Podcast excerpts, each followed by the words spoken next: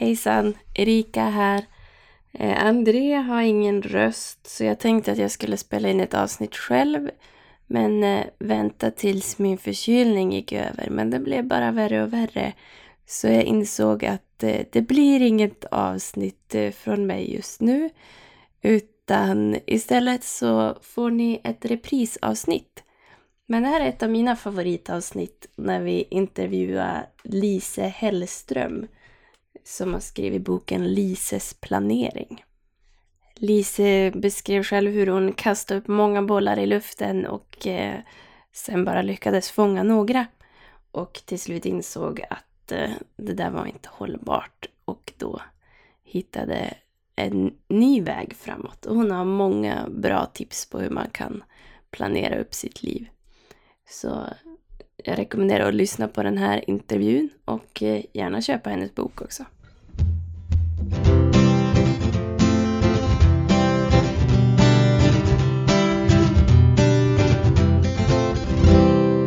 Du lyssnar på Strukturpodden med Erika Norberg och André Kikuchi.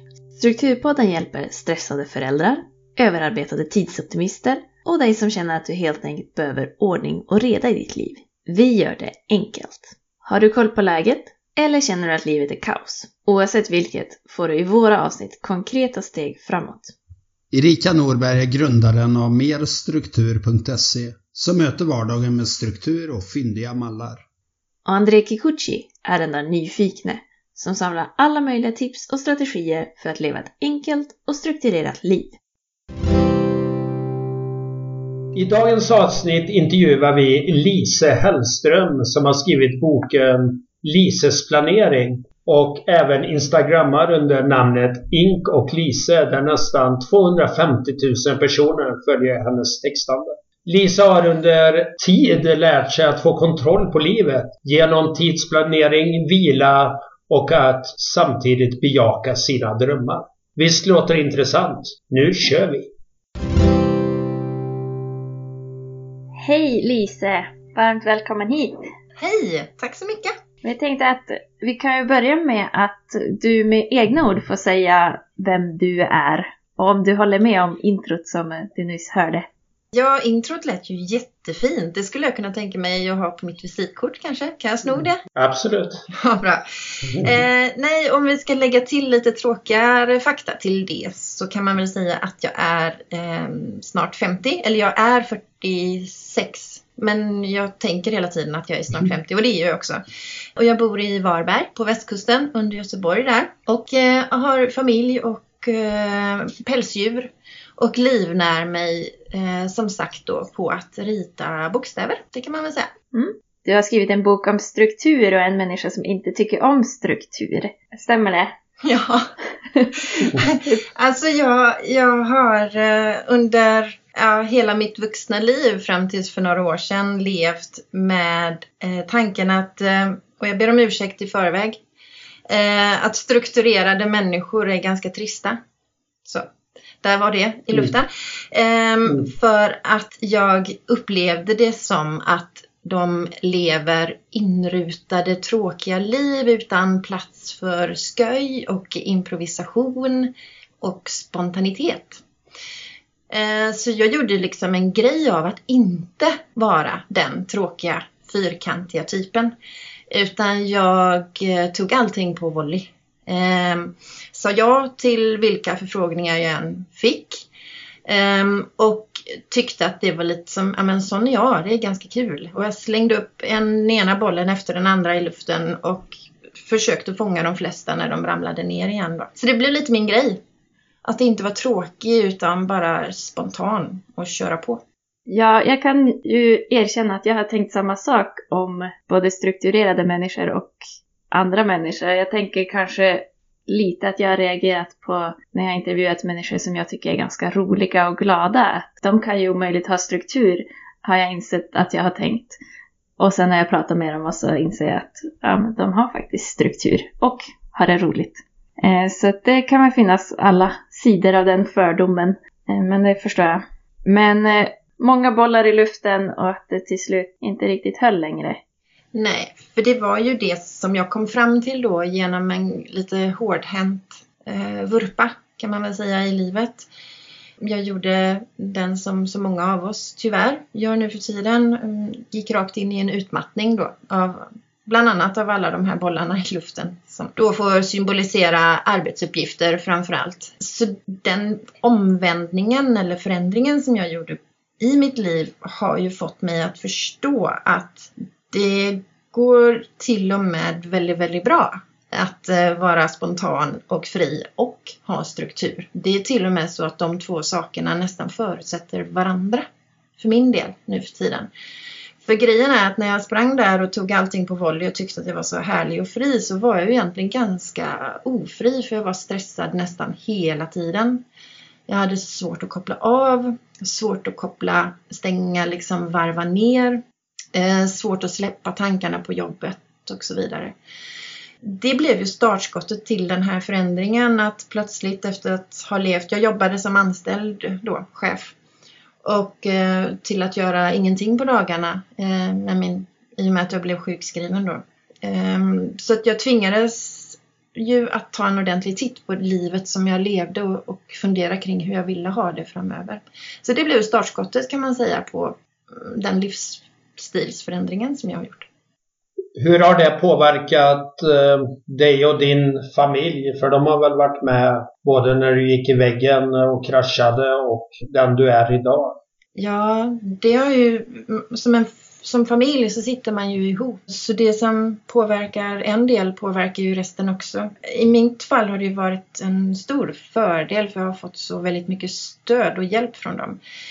Men eh, om jag ska säga det rent eh, objektivt så tror jag att jag är en mycket mer lugn och närvarande mamma och fru idag. Mm. Jag är hemma mycket mer, jag jobbar mindre och har mycket lättare för att skratta faktiskt också än jag mm. hade då. Så att jag tror de märker en ganska stor skillnad. Hur mycket jobbar du och hur mycket är du ledig? Ehm, jag har ju eget företag. Eh, startade det efter eh, jag eh, sa upp mig i samband med sjukskrivningen. Så jag har ju privilegiet att kunna styra mina dagar själv men hela min interna affärsidé går ut på att jag ska jobba så lite som möjligt. Och rent konkret i dagsläget så innebär det att jag jobbar mellan 8 och mm, 3 kanske. Och i den tiden, i arbetstiden, ligger då minst en timmas promenad eller eh, löprunda. Och det ligger även 30 minuters läsning av skönlitteratur. Det har jag schemalagt. Så att, men å andra sidan när jag jobbar så jobbar jag ganska så fokuserat. Så att jag får gjort rätt mycket ändå faktiskt. Det låter ju jättebra. Och om du jämför den eh, idag, den här strukturerade arbetstiden och vilan och fysisk motion och sånt där mot eh, innan du gick i väggen. Vad blir den stora skillnaden skulle du säga? Innan jag eh, gick in i utmattningsväggen så jobbade jag så in i bänken. Eh, och inte bara eh, antal timmar. Det var nog främst att jag kände det som att jag trampade vatten hela tiden. Jag tyckte jag slet och slet och slet men kom ingenstans, förstår ni? Mm. Eh, som att gå i en dyig eh, sjö. och eh, när jag då var hemma så hade jag svårt att koppla av och varva ner. Jag hade ju hela tiden saker som poppade upp i huvudet och det glömde jag göra. Det skulle jag gjort och det måste jag ta upp på mötet imorgon och fasen det här borde jag gjort bättre och så vidare. Så ska man se det krasst så jobbade jag ju väldigt många timmar eh, per dygn, inklusive någon gång mellan två och fem på natten. Där jag gärna vaknade och låg och vände och vred på saker också. Helt eh, värdelöst, men så var det ju. Jag jobbade ju då väldigt ostrukturerat, ser jag ju nu.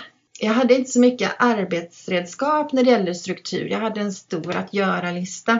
Men för varje sak som jag bockade av så tillkom det typ fem nya, kändes det som. Och jag jobbade extremt splittrat.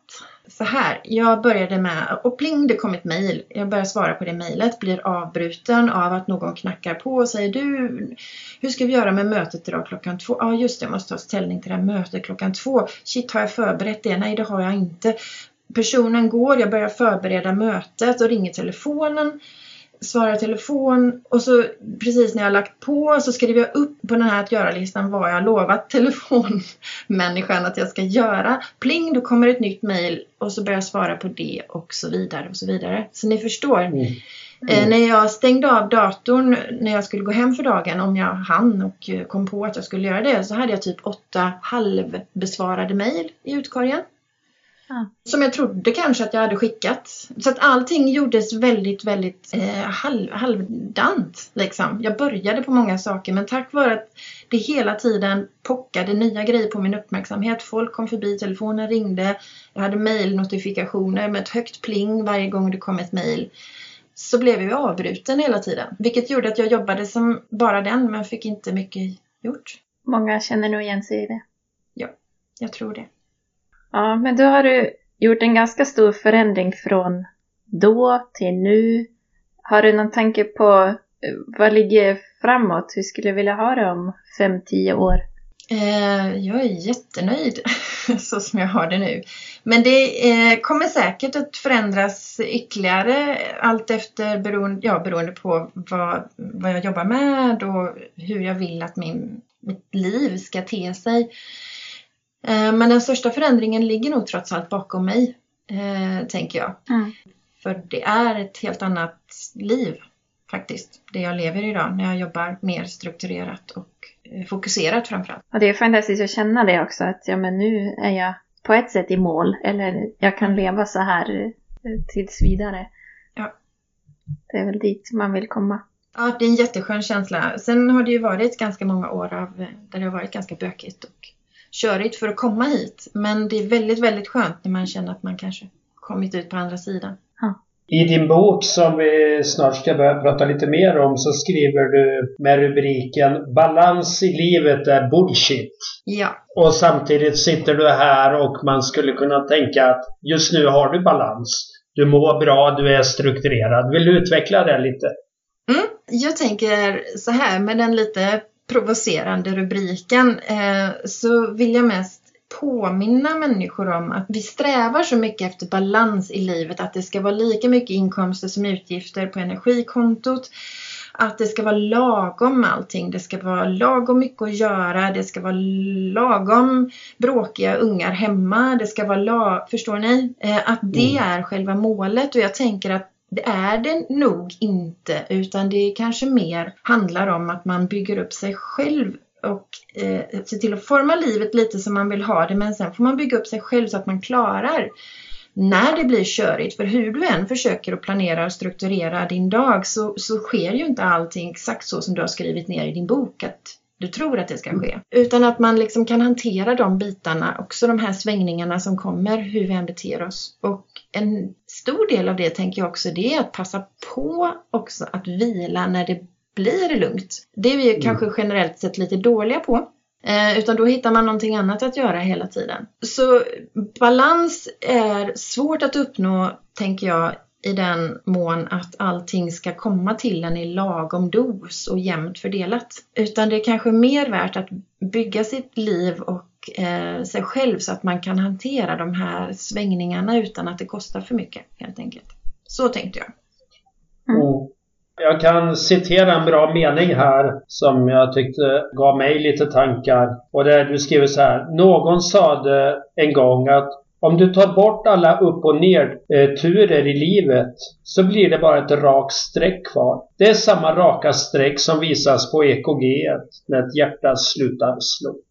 Ja, jag tror faktiskt nu när jag tänker efter, jag tror det var Emma Gren som sa det. Vet Mm. ni Emma Gren, eh, höjdhopperskan? Ah, strunt samma. Ja. Ja, men jag gillar den meningen. Jag tog med den.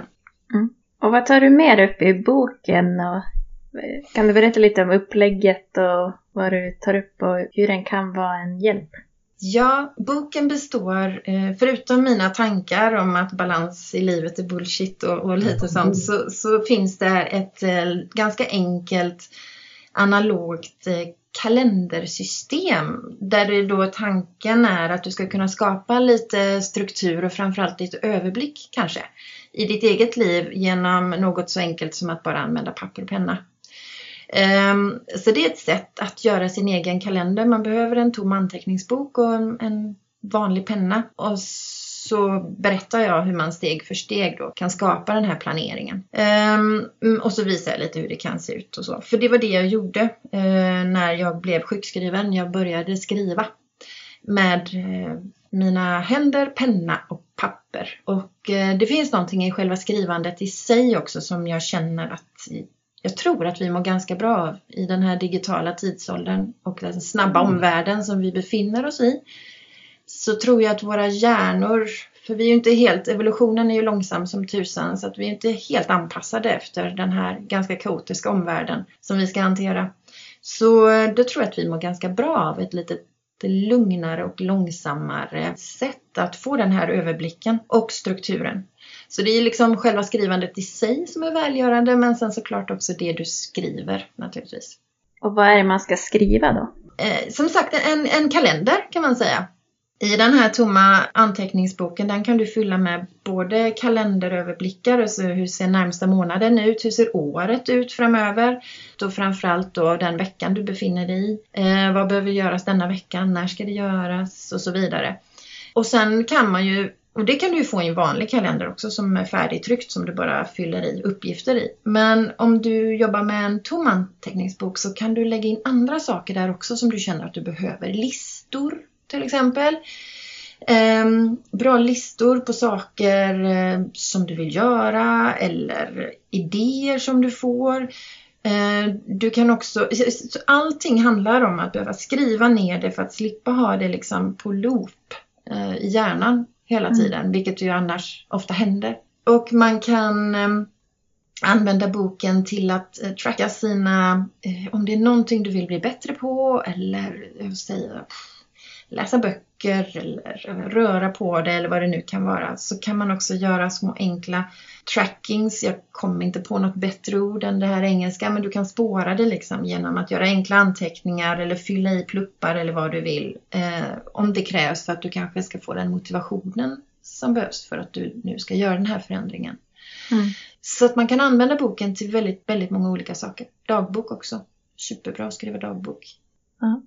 Du tar upp i boken eh, ett ämne som vi tog upp med en tidigare gäst. Eh, när vi intervjuade Ulrika Patring så pratade de om familjens, eh, att man involverar alla och du har skrivit familjens ansvarslista. Vill du säga någonting om det? Att det här med delegera och hur har din familj påverkats av din, ja, den här boken? Är de en del av det? Har du provat dina idéer på din egen familj? Allting är hårdtestat av en eh, omutbar jury dessutom. Eh, jo, nej men så här är det. Jag tänker framförallt tråkiga saker. Eh, tråkiga saker jobbledes eller tråkiga saker i familjevardagspusslet. Eh, det eh, ska man försöka göra så snabbt och smidigt som möjligt för att få mycket mer tid till det som är roligt. Det är typ min grundtes i allt. Eh, och hur man än vänder och vrider på det, när man eh, har en familj så är det en hel del tvätt som ska göras och det är ett hus som ska dammsugas och det är massa sådana här saker. Och om arbets arbetsbördan i familjen är snedbelastad ehm, så blir det några som slipper undan ganska enkelt och inte tänker mer på det men några andra som kanske tycker att det är ganska tungt och inte så kul att vardagen är tråkig och ganska jobbig. Så jag tänker att det kan vara ganska bra för de flesta familjer att sätta sig ner och bara spalta ner vad behöver göras för att allting ska rulla. För även om barn mindre barn inte kan eller ska göra jättestor del där så är det ändå bra att man pratar om att allt det här behöver göras för att alla ska må bra. Och sen får man ju göra, och hur ser fördelningen ut idag? Vem gör vad? Mm, så här ser det ut. Ja, är detta riktigt, eh, är detta schysst egentligen? Ja, nej, vi kanske ska plocka lite från den personen och kanske lägga lite där och där och där. Men grejen är att man gör det gemensamt och att alla får vara med och till viss del också välja vad de vill göra.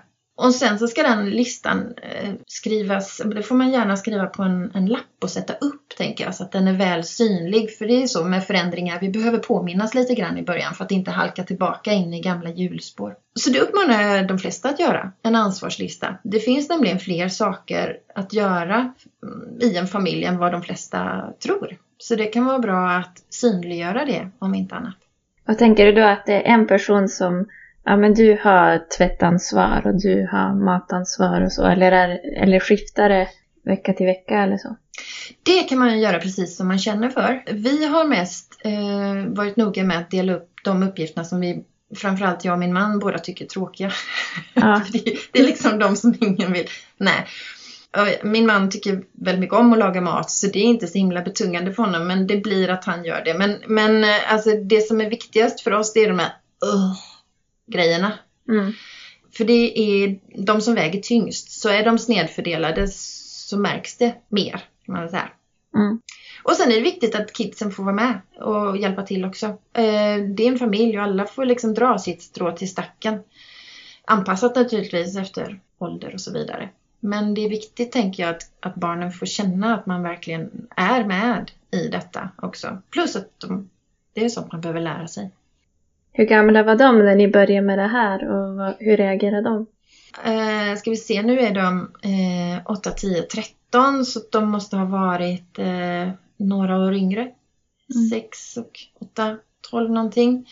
Jo, men det gick ganska bra på pappret, alltså när man satt och planerade. Alltså det är ju, talk the talk är ju inte så svårt utan det är ju sen när det ska till handling. Men vi byggde också in lite belöningssystem i det. Mm. Ehm, särskilt för de uppgifterna som kanske var, vad man ska säga, eh, lite utöver den här hygienfaktorn, liksom att sätta in tallriken i diskmaskinen och så. Men ska, ska det till exempel klippas gräs eller vikas tvätt eller något sånt där som är lite större grej så, så eh, kunde de tjäna lite på det. Mm. Motivation behövs också.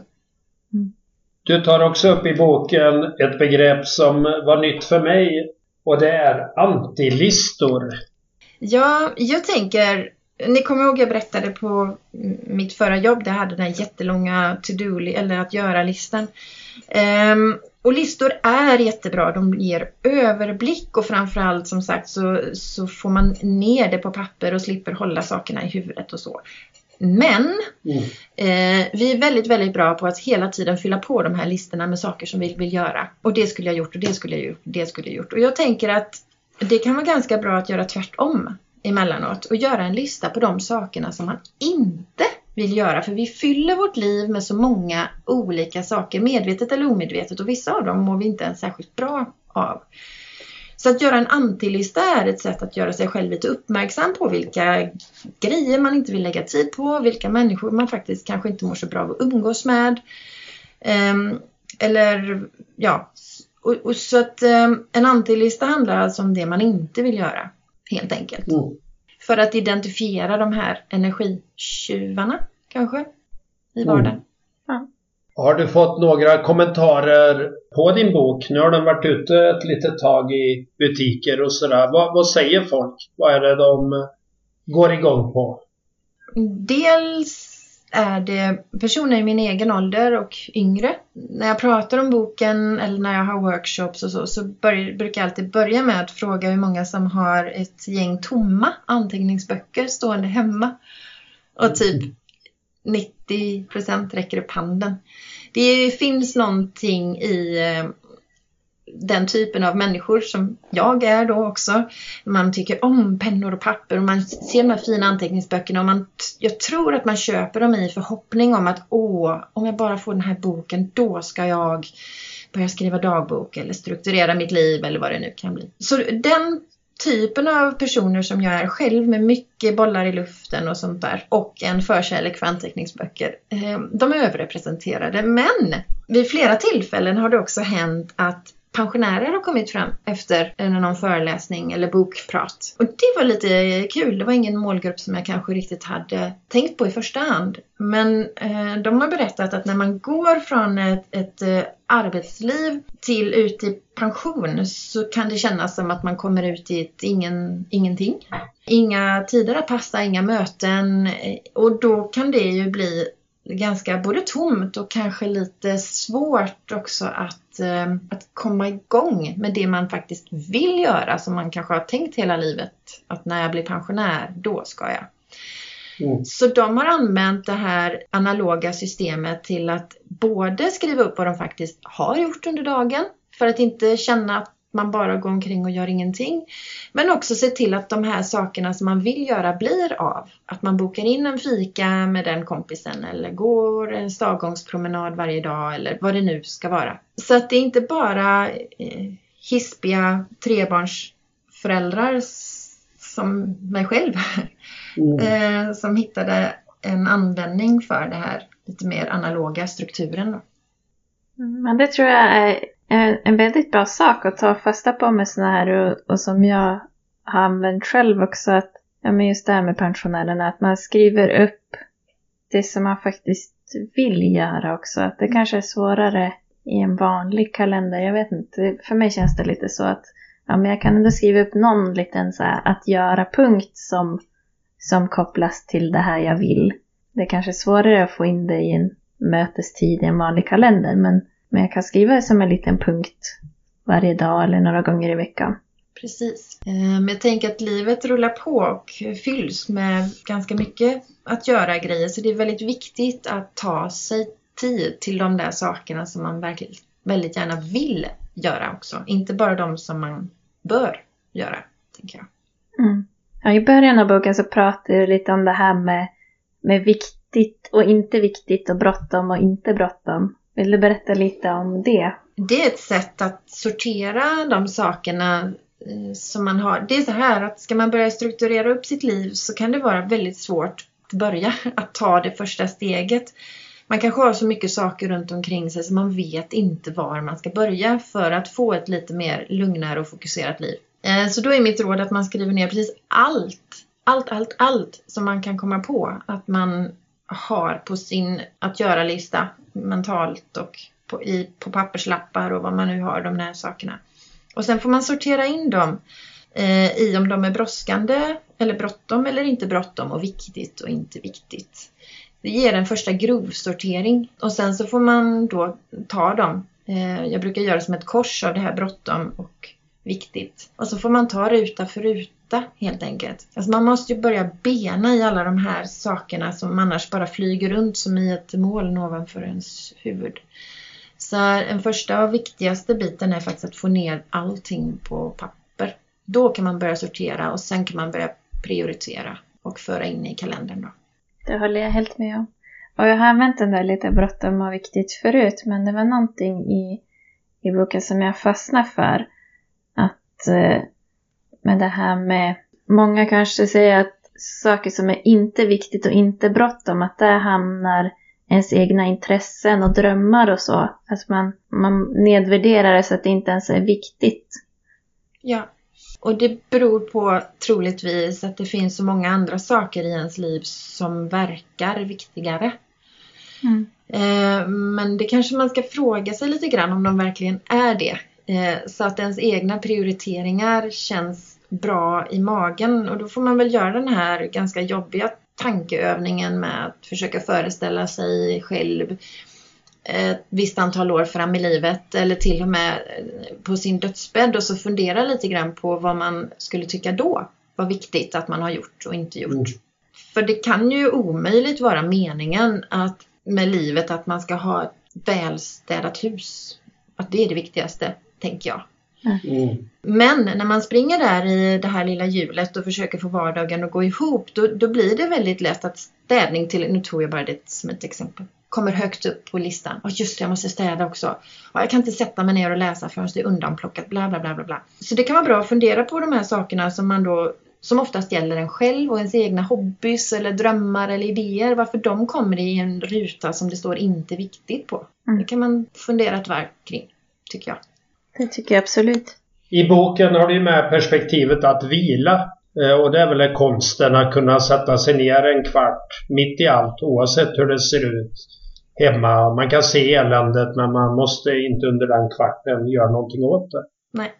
Och det tror jag många behöver förstå som kanske har börjat med det här med ordning och reda och struktur på livet. Att eh, precis som vi hade en annan gäst som sa att det är helt okej okay att planera in, och det säger du också, ledighet. Eller paus mitt i allt. Ja, jag till och med eh, skulle vilja omvandla det till en allmän rekommendation. att det mm. ska man nästan mm. göra.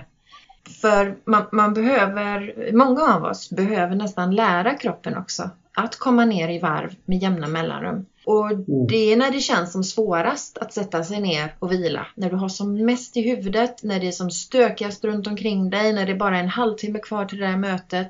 Det är kanske just då som du verkligen borde träna på att sätta dig ner och koppla av. För det är en träningssak på samma sätt som du stärker dina muskler när du tränar på gymmet. Typ. Mm. Och när man vilar lägger man kanske till märke till det här du skriver i slutet av boken på vad blir det, kapitel 5 om tacksamhet, om väder, om sådana här små saker i vardagen som eh, man kanske inte lägger märke till när man är som stressigast. Du skriver till exempel upp vilket väder det är med en liten symbol. Ja. Sånt där.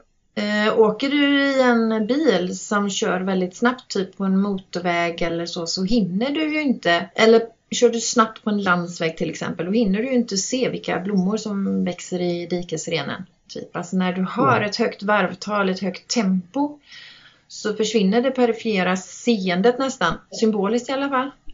Eh, för att du är inne i någon form av överlevnadsmode och har fullt fokus på de här sakerna som stressar dig så mycket. Eh, just därför så tänker jag att om man då saktar ner och tar en cykel istället, eller kör lite långsammare, så hinner du lägga märke till allt det där. Och det är kanske de här små sakerna som verkligen är grejen med livet. Mm. Sen är jag lite nyfiken på hur du hanterar sociala medier. Du har ju väldigt många följare på Instagram så det är ju någon slags arbetsredskap att vara på sociala medier. Men hur har man en vettig nivå där? Ehm, det är ju som en inbyggd eh, paradox på något vis. Eh, det var via Instagram som jag började få mina jobb när jag mm, så småningom eh, startade eget. Instagram har varit och är mitt stora skyltfönster och eh, det är där jag också hämtar inspiration från andra och information, saker som jag har nytta av i mitt jobb. Men eh, sociala medier eh, och telefonen i sig är också någonting som på många sätt gör det svårt för mig att ha struktur. Att hela tiden bli avbruten av telefonen, att hela tiden så småningom ha en hjärna som själv eh, hela tiden vill plocka upp telefonen. Om det så är bara en två, tre sekunders paus man har medan man väntar på att någonting ska bli färdigt. Det i sig är ju förödande för att leva och jobba fokuserat. Så det där är ett tveeggat svärd. Så att, eh, jag har pratat om detta innan i podden vet jag, men jag får verkligen... Ehm, min telefon eh, har jag numera ganska lite och eh, jag har den aldrig när jag jobbar. Om inte det är nödvändigt förstås med telefonsamtal och sånt. Sen ingår ju Instagram som sagt i mitt jobb också men då får jag liksom dedikera tid till det. Bara så, nu sätter jag mig en halvtimme här och plöjer igenom, svarar på kommentarer och gör alla de där sakerna som jag vill göra. Eh, för att jobbet ska funka. Men det innebär ju också att jag har rensat bort otroligt mycket scrolltid ur mina dagar, ur mitt schema. Scrolltid som ju faktiskt inte tillfördes jättemycket egentligen. Ni vet där man bara sitter och scrollar, tittar lite där och lite där och lite där. Mm. Eftersom jag då vill jobba så lite som möjligt så, så vill jag inte lägga en timme bara på att scrolla vad någon har gjort på Instagram. Så det har jag rensat bort. Mm. Eh, Men det var ganska svårt. 17 vad svårt det var. När man har en hjärna som dessutom, min blev ju lite paj med utmattningen, lite hjärntrött. Extra svårt för mig att fokusera och hålla fokus och så. Den älskade ju det här med telefon hela tiden. Korta, liksom väldigt så här fragmenterad information och eh, så fort det verkar lite tråkigt så bara scrollar man vidare. Det var som att äta lösgodis liksom hela tiden. Mm. Så att eh, det har tagit ett tag för den att lugna ner sig lite faktiskt. Det var lite svårare än vad jag trodde. Men just därför så tänker jag att det är väl ett bevis på att jag verkligen behövde göra det. Mm. Och på vilket sätt eh, bidrar du själv till det med ett sådant konto?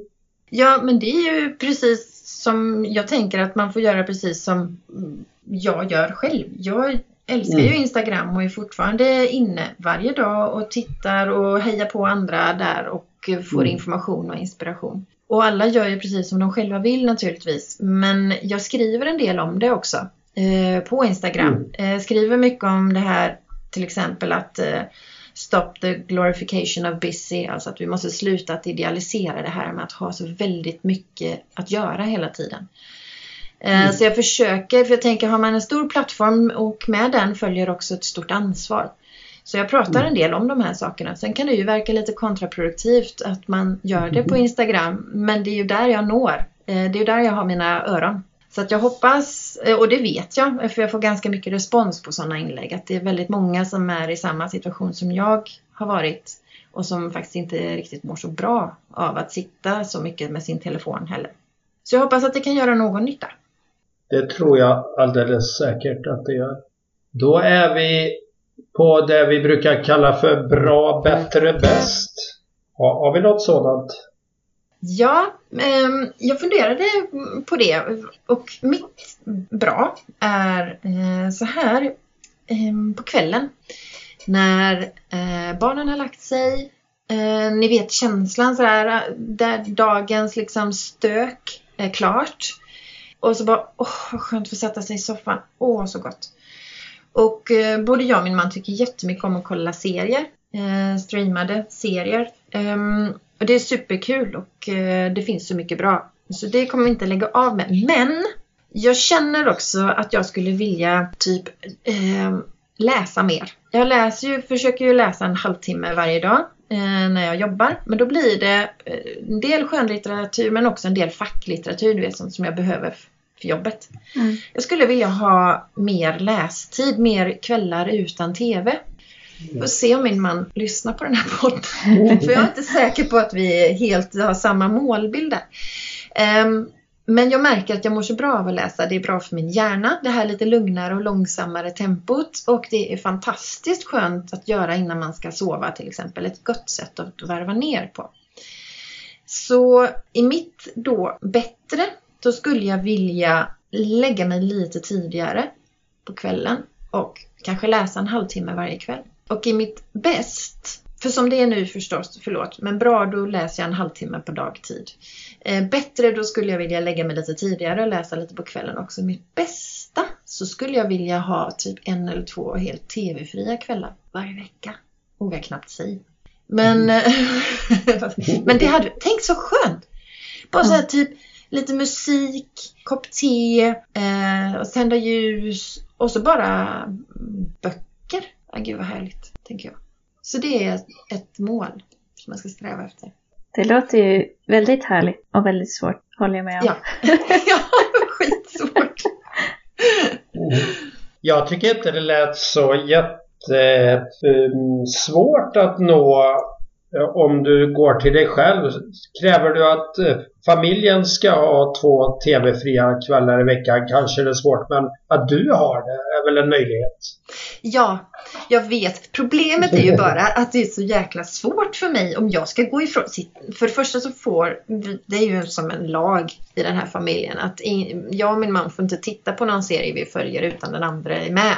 Nej, nej för det vore ju fruktansvärt. Eh, Så då skulle han i så fall titta på någon annan och du bara, "Åh, men då kanske jag skulle vilja se den också. Tänk om den är bra. Ska jag gå upp och sätta mig i sovrummet då? Men det kanske är en jättebra serie han tittar på. Förstår du? Lite Mm. lockad där. Mm. Så det är en utmaning detta. En jättestor utmaning. Ja, det blir ju helt Mm. klart lättare om eh, både du och din man är med på det i alla fall. Ja, jag tänker så också. Ska försöka snärja med honom här. Vi får se hur det går. Vi, vi kan återkomma till det här. Vi frågar om ett år igen. Hur gick det? Ja, det får ni göra. Ja, sen brukar vi ha en prova på varje avsnitt där vi tipsar läsarna om någonting. Så har du något tips på vad man skulle kunna göra den här närmsta veckan? Ehm, då skulle jag nog vilja inspirera lyssnarna till att göra en antilista. Det vill säga första dagen Eh, så skriver man ner de sakerna som man har i sitt liv som man tycker är jobbiga eller besvärliga eller som man inte eh, trivs med situationer som man hamnar i som man inte vill vara i och så vidare. Och har du den listan, sen kan man ju gå igenom dem och så småningom hitta strategier då för hur man kanske skulle få mindre av de här sakerna i sitt liv. Men det viktigaste är att skriva ner det. Så skriv en antilista. Det rekommenderar jag. Jag tror att många tänker, nej men jag behöver inte skriva ner det, jag kan tänka det i huvudet. Men jag håller med dig att det är stor skillnad att ha det nerskrivet. Ja, det är det. Och du kan fylla på listan efterhand för det är inte allting som man kommer på heller sådär med en gång. Mm. Så att det är kanske så småningom fler saker än vad du faktiskt tror. Eh, som du har i ditt liv som du inte riktigt trivs med. Och eh, det kan vara en lite jobbig insikt men det är också en bra grej för det är då du kan börja kanske att så småningom förändra saker. Eller välja bort eller säga nej eller vad det nu kan vara du behöver göra. Vad har vi då sagt och hört idag? Jo, vi har ju fått lyssna och intervjuat Lise Hellström som har tre barn och en hund och eh, har idag en arbetssituation som är mycket mer tydlig, strukturerad och hon gör det hon en gång Eh, drömde om att få göra. Och eh, det har resulterat i att hon är lugnare eh, mot sig själv och mot sin omgivning. Hon kan ta pauser och hon kan njuta av de små sakerna i vardagen. Hon har skrivit boken Lises planering där vi har tittat på några avsnitt. Allt från antilister till vad är viktigt, inte så viktigt, inte så bråttom och bråttom. Och vi har fått utmanas att eh, i veckans prova på att eh, göra en antilista för att försöka få struktur på de sakerna vi inte, eller som tar för mycket energi i vårat liv. Och eh, veckans bra, bättre, bäst är att eh, Lise ville läsa lite mer. Idag läser hon ungefär 30 minuter. Och bättre skulle vara att lägga sig lite tidigare, få lite mer tid att läsa. Och det bästa vore att få två tv-fria kvällar i veckan och lägga den tiden på att läsa istället. Och det är en utmaning som hon får dela tillsammans med sin familj så att de når tillsammans där. Är det något mer att tillägga? Mm, nej, jag vet inte. Tycker ni det? Mm. Jag tror... Nej. Nej. Nej. jag vet inte. Jo, men om ni känner er nöjda så är jag nöjd. Jag tror inte vi har missat några så här stora avgörande bitar. Vad säger du Erika? Är vi nöjda? Ja. Det sa han självsäkert. Ja, men ett citat som jag fastnar för i den här boken är just det här Stop the glorification of busy. Att man ska inte hylla det här och vara så upptagen. Utan det är inte det man mår bra av. Och det kan ofta bli så där som du beskrev med ditt liv förut, att man är upptagen hela tiden. Men sen när dagen är slut, ja men vad är det jag faktiskt har gjort och gjort klart? Jag har en massa halvfärdiga mejl och halvfärdiga uppgifter. Men om man istället strukturerar upp det, skriver listor, tar en sak i taget, ja men då kanske man faktiskt får, får mer gjort på kortare tid. Det går nästan lite inflation i det där också. Det är så många som på sociala medier skriver om hur upptagna de är. Och hur mycket de har att göra och jag vänder mig lite emot det för att det blir som att ens, längden på ens att göra-lista skulle stå i paritet med ens värde som människa. Typ.